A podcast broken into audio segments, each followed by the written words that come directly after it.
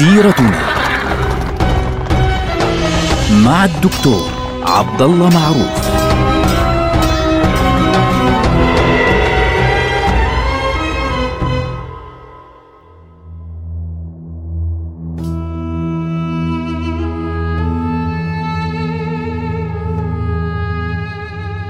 بسم الله الرحمن الرحيم. الحمد لله رب العالمين والصلاة والسلام على سيدنا محمد. سيرتنا سيرة النبي صلى الله عليه وسلم. آه نتحدث فيها عن سيرة هذه الأمة التي تبدأ بسيرة رسول الله صلى الله عليه وسلم. نحن الآن في نهاية يوم السابع عشر من رمضان من العام الثاني للهجرة انتصر المسلمون في بدر.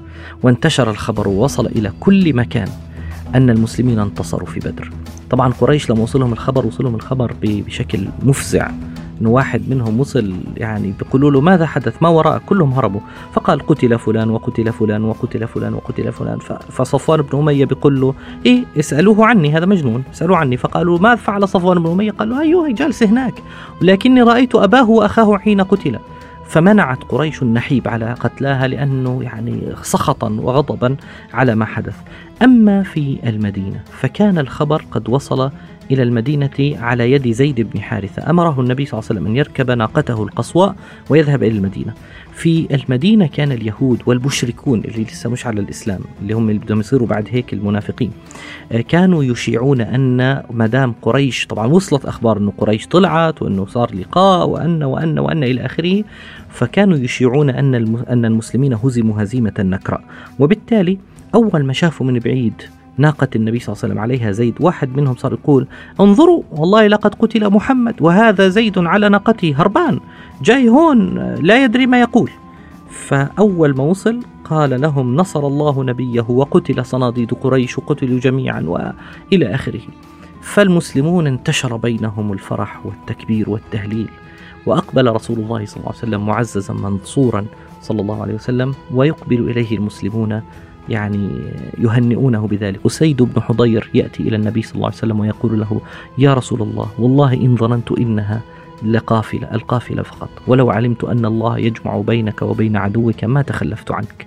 فقال له النبي صلى الله عليه وسلم صدقت. أما آه المشركون الذين كانوا بالمدينة بقيادة عبد الله بن آه آه أبي بن أبي سلول فقد أعلنوا إسلامهم بعد هذه الغزوة. طبعا في بعض الناس المشركين أعلنوا إسلامهم حقا لكن عبد الله بن أبي بن أبي سلول أعلن إسلامه نفاقا. من هنا ظهرت حركة النفاق. يعني حركة النفاق ما كانتش موجودة قبل غزوة بدر مش مثل ما بيظن بعض الناس بتصورها بعض الأفلام والتلفزيون. لا لا لا. أعلنوا فعليا بعد غزوة بدر إنه أوه هذه قصة طولة هم كانوا يظنون إنه بمجرد ما يصير قتال سينتهي دينه إلى الأبد. ولكن اكتشفوا انه الان لا القصة مطولة كثير وبالتالي أعلنوا إسلامهم خوفا من النبي صلى الله عليه وسلم. وقبل منهم النبي صلى الله عليه وسلم. أما اليهود قبائل اليهود فعل العكس تماما. أعلنت عداوتها لرسول الله صلى الله عليه وسلم. وبدأت بنو قينقاع بالذات بدأوا يشيعون الشغب في المدينة بعد انتصار المسلمين في غزوة أحد. ليه؟ هم بالنهاية كانوا يظنون إنه النبي صلى الله عليه وسلم خلص يعني أموره يعني آه، راح تنتهي بمجرد ما يصير آه، مشكلة. بمجرد ما يصير حرب بينه وبين قريش خلاص ينتهي أمره. ولذلك في البداية سكتوا عنه صلى الله عليه وسلم. ما ما أرادوا إنه يعمل يعني يعملوا شيء لانهم بالنهاية هم ما بيحبوش يدخلوا بمشاكل مباشرة. هم بيحبوا غيرهم يشتغل. يعني كانوا هم مشغلين الأوس والخزرج ببعض في حرب بعاث وما قبلها من القتال. يعني كان اللي بيمول هذا الطرف وهذا الطرف هم اليهود. لكن الآن الوضع مختلف. الآن النبي صلى الله عليه وسلم انتصر وبالتالي تبين لهم أن أمر النبي صلى الله عليه وسلم أصعب مما كانوا يتخيلون وأن قريشا لن يعني لم تستطع أن تنتصر عليه وبالتالي لن تتمكن من الانتصار عليه بسرعة. ولذلك بدأوا يثيرون الشغب وكان أول من أثار الشغب ونقض عهد المدينة مع النبي صلى الله عليه وسلم بنو قينقاع. اشمعنى بني قينقاع. بنو قينقاع على فكرة هم أقرب اليهود إلى المدينة كانوا يسكنون في داخل المدينة. بنو قريظة وبنو النضير كانوا ساكنين أبعد شوي يعني بنو قريظة كانوا على أطراف المدينة وبنو النضير كانوا في منطقة العالية تقريبا يعني بعاد في قريب من مزارع النخل لكن بنو قينقاع كانوا قريبين جدا جدا في المدينة نفسها. ومش بس هيك كانوا يعني سوقهم كان هو سوق المدينة. فهم أكثر ناس تأثروا فعليا بقدوم النبي صلى الله عليه وسلم حتى من الناحية الاقتصادية. ليش هذا الكلام؟ لأن النبي صلى الله عليه وسلم بمجرد ما وصل المدينة أمر في الناحية الغربية بأن بأن يبنى هناك سوق المسلمين.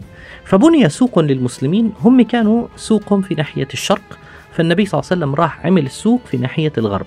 وبالتالي المسلمون اللي هم أغلبية أهل المدينة صاروا يتاجرون في سوقهم. وبالتالي بضاعة بني قينقاع صارت تتعب يعني صاروا يتبهدلوا. فانضربوا في تجارتهم. ولذلك كانوا أكثر اليهود حقدا وحنقا على رسول الله صلى الله عليه وسلم. ولذلك كانوا أول من يعني أثار الشغب في المدينة. فبدأوا يثيرون الشغب هنا وهناك وأحيانا يتعرضوا لمشاكل وكل شوي يوصل خبر للنبي صلى الله عليه وسلم أن والله يهود بني قينقاع عملوا مشكلة في المكان الفلاني بينهم وبين واحد من المسلمين وصارت طوشة إلى آخره صارت مشكلة صارت قتال إلى آخره. فالنبي صلى الله عليه وسلم أمر بجمع اليهود في سوق بني قينقاع تحديدا هذول الناس. أمر بجمعهم. طبعا إحنا الآن في شهر شوال يعني بعد عودته رمضان فعليا كان 17 رمضان يوم غزوة بدر. إحنا الآن نتكلم عن أواخر رمضان بداية شوال. يعني بدأ الأمر يشتد على المسلمين في ذلك الوقت.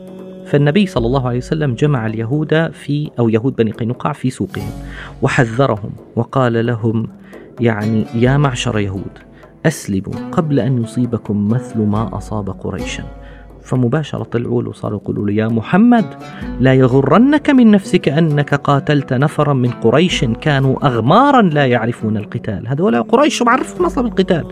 إنك لو قاتلتنا لعرفت أن نحن الناس وأنك لم تلق مثلنا.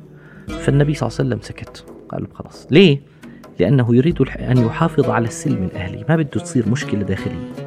لكن فعليا الذي حدث أن بني قينقاع وصل الأمر بهم إلى الاعتداء بالقتل على المسلمين والاعتداء على أعراض المسلمين. فالقصة مشهورة فعليا. رواها عدد من الرواة.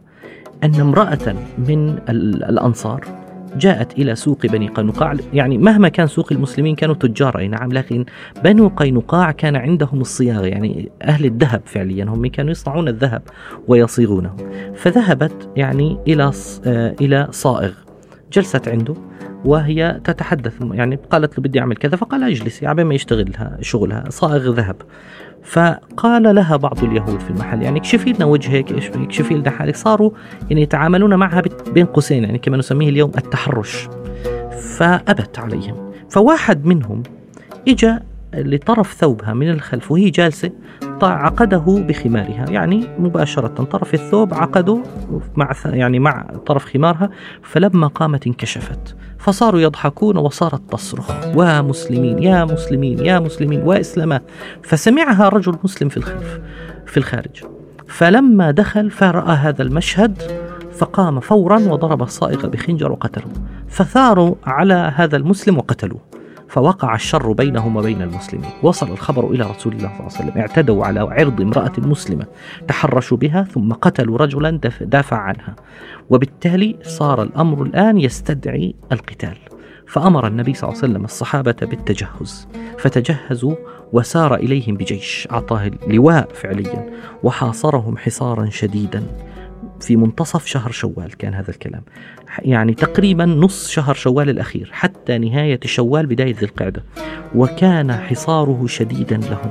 فلما يعني تعبوا وخافوا ارتعبوا ما فيش حدا يعني يجيهم قالوا نستسلم ننزل على رأيك ما عندنا مشكلة. فأمر بهم النبي صلى الله عليه وسلم أنه بده الآن يقرر ماذا سيفعل معهم. أمر بهم النبي صلى الله عليه وسلم أنه المقاتلين كتفوهم خلينا نشوف إيش بدنا نعمل معهم. وهو يقول بذلك إذا بعبد الله بن أبي بن أبي سلول اللي هو مين؟ اللي هو رأس المنافقين. لاحظوا كان مشركا قبل أيام. الآن جديد أسلم بعد غزوة أو أعلن إسلامه وتظاهر بالإسلام بعد غزوة بدر. فبالتالي لساته جديد. فقام وأمسك بالنبي صلى الله عليه وسلم وقال يا محمد أحسن في موالي. هذولا موالي هذولا حلفائي. كانوا من زمان. فالنبي صلى الله عليه وسلم يعني يبعد عنه بدير وجهه عنه فوضع يده في آه، داخل قميص النبي صلى الله عليه وسلم. والنبي صلى الله عليه وسلم قال له أرسلني. ويحك أرسلني. وهذا الرجل قال له أبدا لا أتركك. هؤلاء أبدا حتى تحكو حتى تحسن في موالي. فالنبي صلى الله عليه وسلم يعني قال هذا الرجل لساته مسلم جديد يعامله على خير. فقال طيب خلاص نعفو عنهم ولكن لا يجاورونني في المدينة. هذول أخلوا بعقد المواطنة في داخل المدينة. عقد المواطنة واضح في صحيفة المدينة. هؤلاء أخلوا به فلا يجاوروننا فيها ويخرجون. فخرجوا جميعا إلى أذرعات أذرعات اللي هي درعة في سوريا. وهلك أغلبهم في الطريق وانتهى وجودهم فعليا في المنطقة. وبالتالي خرج ثلث اليهود الموجودون في المدينة منها بسبب نقضهم لعهدهم مع رسول الله صلى الله عليه وسلم. هكذا تنتهي غزوة بني قينقاع ويبدأ التحضير فعليا للحدث الكبير الذي سيحصل قريبا في السنة الثالثة. إحنا الآن في ذي القعدة آخر السنة خلال ذي القعدة من ذي القعدة حتى شوال القادم يعني سنة كاملة يكون هناك تجهيز كامل كبير جدا لحدث عظيم اسمه غزوة أحد. نلقاكم على خير. والسلام عليكم ورحمة الله وبركاته.